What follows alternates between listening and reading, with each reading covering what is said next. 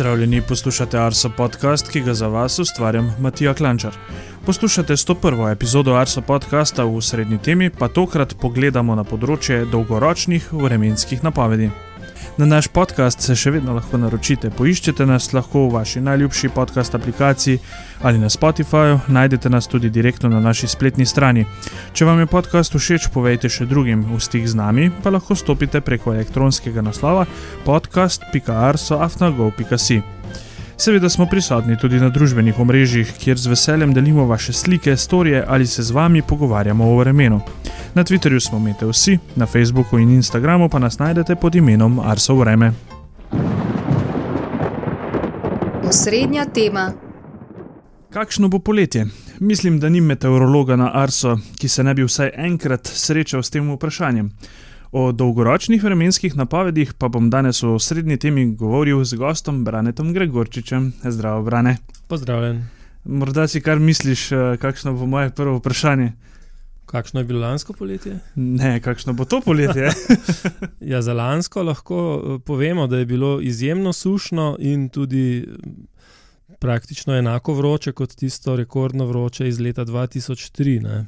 Vsaj bila, bile so, bila so območja v Sloveniji, kjer je bilo malce razlike od leta 2003, ampak tam nekje smo bili. No. Zdaj, če primerjamo letošnje napovedi z lanskimi napovedmi, se pravi lanskimi napovedmi za lansko poletje in letošnje napovedi za letošnje poletje, potem bi lahko rekli, da kar se tiče temperaturnih razmer, so letošnje aprilske napovedi precej podobne lanskim aprilskim napovedim. Tako da Iz tega stališča, čeprav vemo, da te napovedi niso zelo zanesljive, bi lahko pričakovali, da bo temperaturno gledano letošnje poletje podobno vroče, kot je bilo lansko. Je pa tu še drug parameter, ki je tudi zelo pomemben, če ne še bolj, to je količina padavin. Tam se je pa lani že kazal signal za pričakovano sušo, eh, letos pa tega signala skoraj da ni zaznati. Tako da Morda lahko rečemo, da letošnje poletje bo, kot kažejo aprilski izračuni modelov, predvsem Evropskega centra, eh, vroče, ampak ne pretirano sušno. To ne pomeni, da ne bo tudi kakšnih vročinskih valov in suhih obdobij, ampak da pa neke izstopajoče suše na našem območju morda vendarle ne bo, ne, če smo malce optimisti. Dodatno k temu optimizmu lahko prispeva dejstvo, da so letos eh, snežne zaloge nekoliko bogatejše, kot so bile lani aprila, in tudi eh, vodnatost rek eh, je zaenkrat povsem na nivoju nekih dolgoletnih povprečnih, kar nas lahko vsaj v štartu navdaja z malce več optimizma. Ja, kmalo bomo uh, vstopili v mesec maj radi potem v začetnih dneh oziroma tednih tudi pogledamo malce v analizo samih vremenskih spremenljivk. In bomo tudi delili to z našimi poslušalci, tako da boste videli, kakšne so trenutne vodne razmere in pa kakšno je trenutno mogoče tudi stanje uh, snežnih zalog v gorah. Uh, Uh, omenil si že, kako kažejo letošnje dolgoročne napovedi za poletje. Pa me zanima, če se v teh dneh uh, ali pa tudi tednih dežurni prognostiki pogosto srečujete že s temi vprašanji, ali je še prezgodaj, pa so zdaj v začetku bolj prvomajske, prvomajske počitnice na udaru.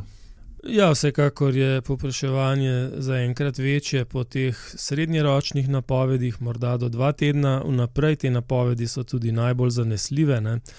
Obstajajo potem tudi uh, eh, 45-dnevne napovedi, to so nekako podaljšane mesečne napovedi, ki, so, uh, ki nam prinašajo napovedi temperaturnih in padavinskih anomalij po tednih ampak že tu se srečamo z veliko negotovostjo pri napovedovanju za obdobje, ki je daljše od dveh tednov vnaprej.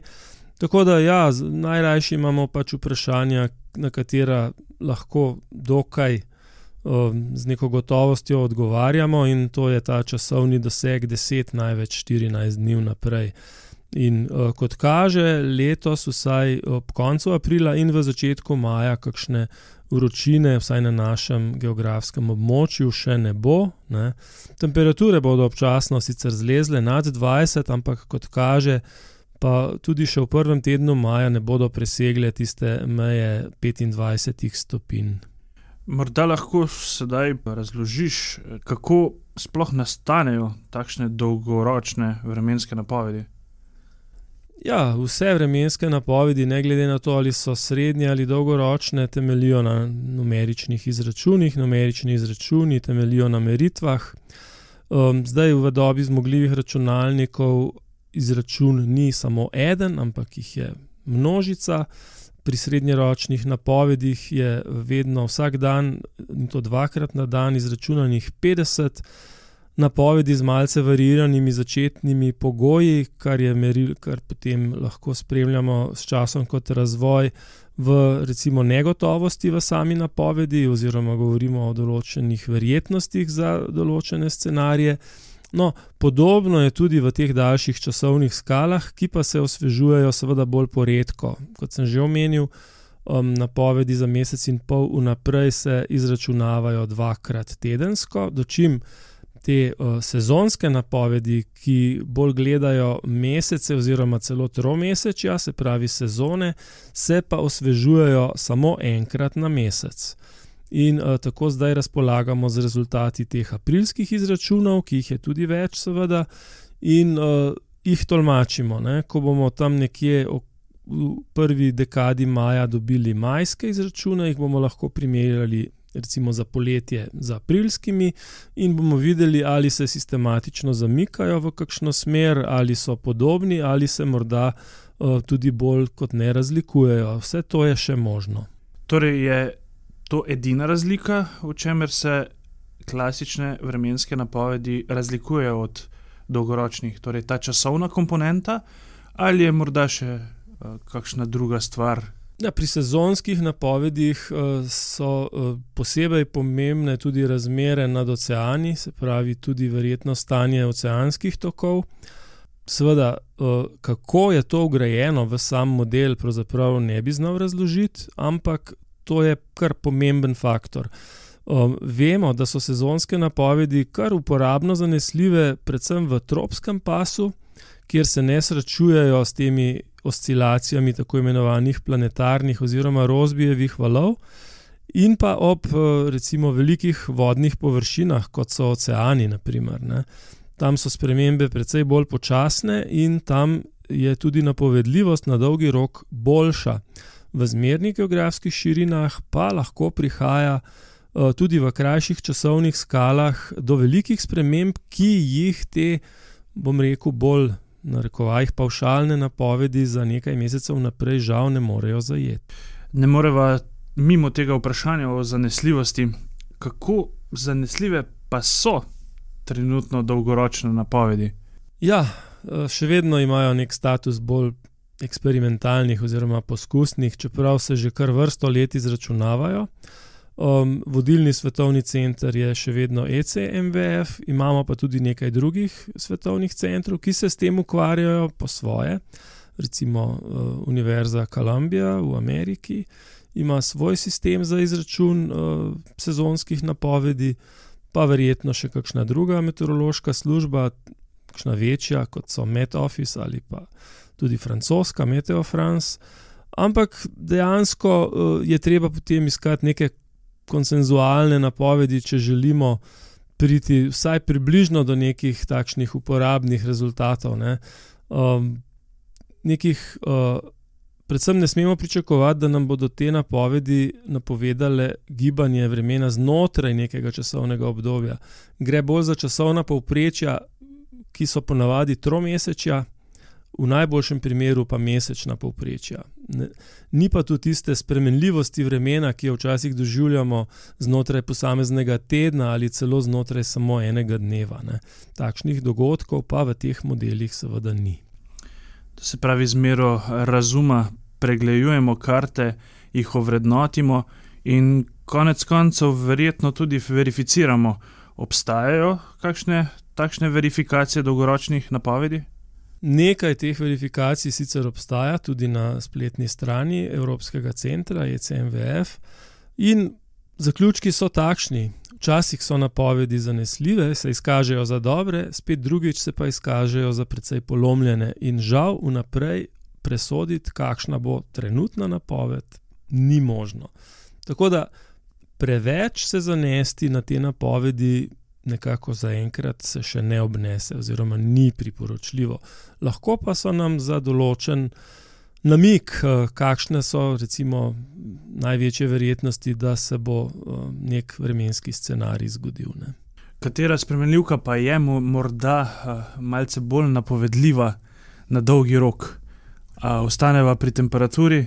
Ja, seveda um, vemo, da so razlike največje pri napovedi količine padavin, tam lahko prihaja tudi na majhnih območjih do velikih odstopanj.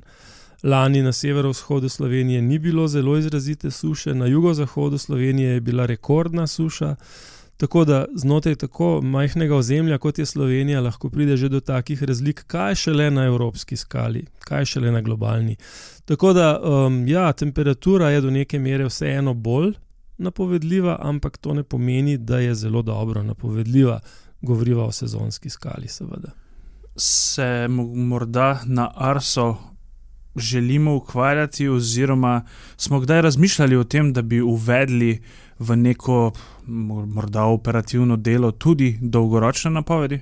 V resnici eh, te napovedi zahtevajo zelo veliko računsko moč, ker so pač globalne za cel planet. Tako da eh, mi lahko uporabljamo pač te izračune večjih uh, svetovnih centrov, predvsem Evropskega centra, ki se pač izkazuje v svetu za nekako vodilnega, uh, da bi pa sami izračunavali te napovedi, pa mislim, da jih tudi v bodoče ne bomo.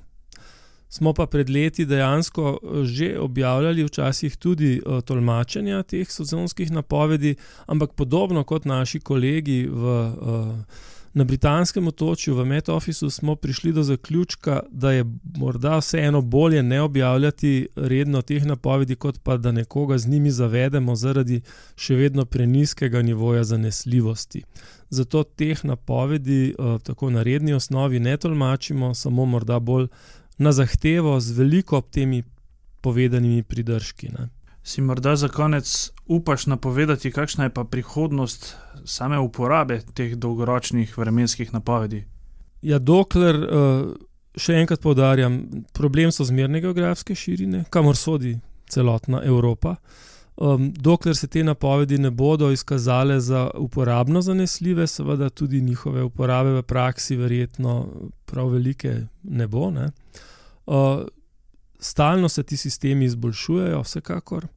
In enkrat bo gotovo prišlo do, do tistega, ko bomo rekli, da ja, zdaj, zdaj pa je že zadeva dovolj zanesljiva, da lahko na osnovi tega sprejemamo morda kakšne odločitve. Ne. Zaenkrat se bojim, da še nismo tako daleč in bi lahko morda ukrepali tudi napačno. Ne. Ja, mislim, da smo zaokrožili pogovor. Najlepša hvala za tvoj čas in pa se snideva spet ob kakšni drugi priložnosti. Z veseljem. Obeti. Vremenske obete je tokrat pripravil Andrej Velkavrh.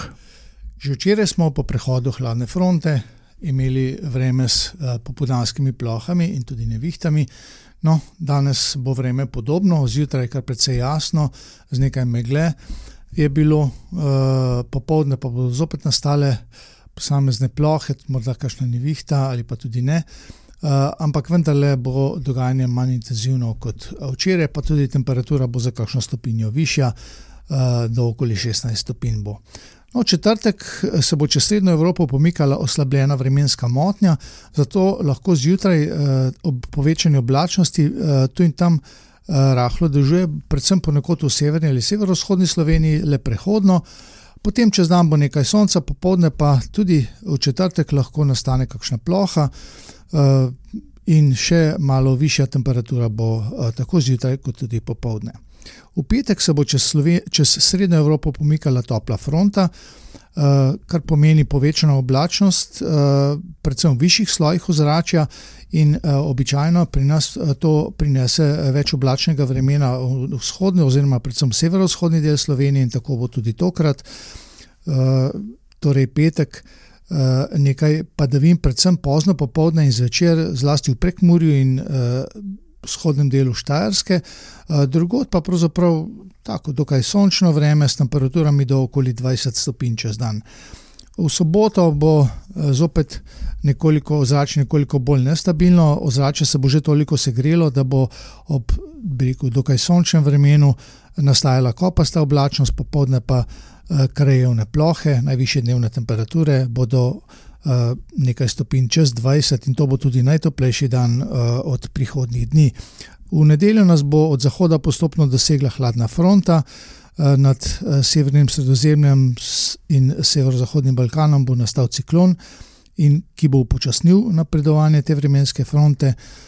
Čez dan bo od zahoda začelo deževati, in seveda ob takem vremenu bo tudi nekoliko hladneje kot pa v soboto.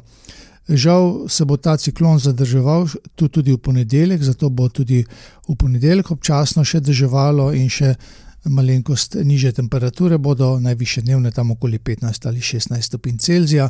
V torek pa se bo vreme postopno umirilo in verjetno bodo padavine že zjutraj ali pa vsaj zgodaj dopoldne povsod ponehale. Skratka, prihodnji dnevi ne bodo prinesli kakšnega vremenskega presežka, še bo, bo, še najlepši bo prvi del, in pa tudi postopno se bo segrelo do sobote, nato pa bo zopet nekoliko hladneje. S pogledom v vremensko prihodnost smo pripeljali s to prvo epizodo Arso podcasta do konca. Želim vam obilo lepega vremena in se slišimo čez štirinajst dni.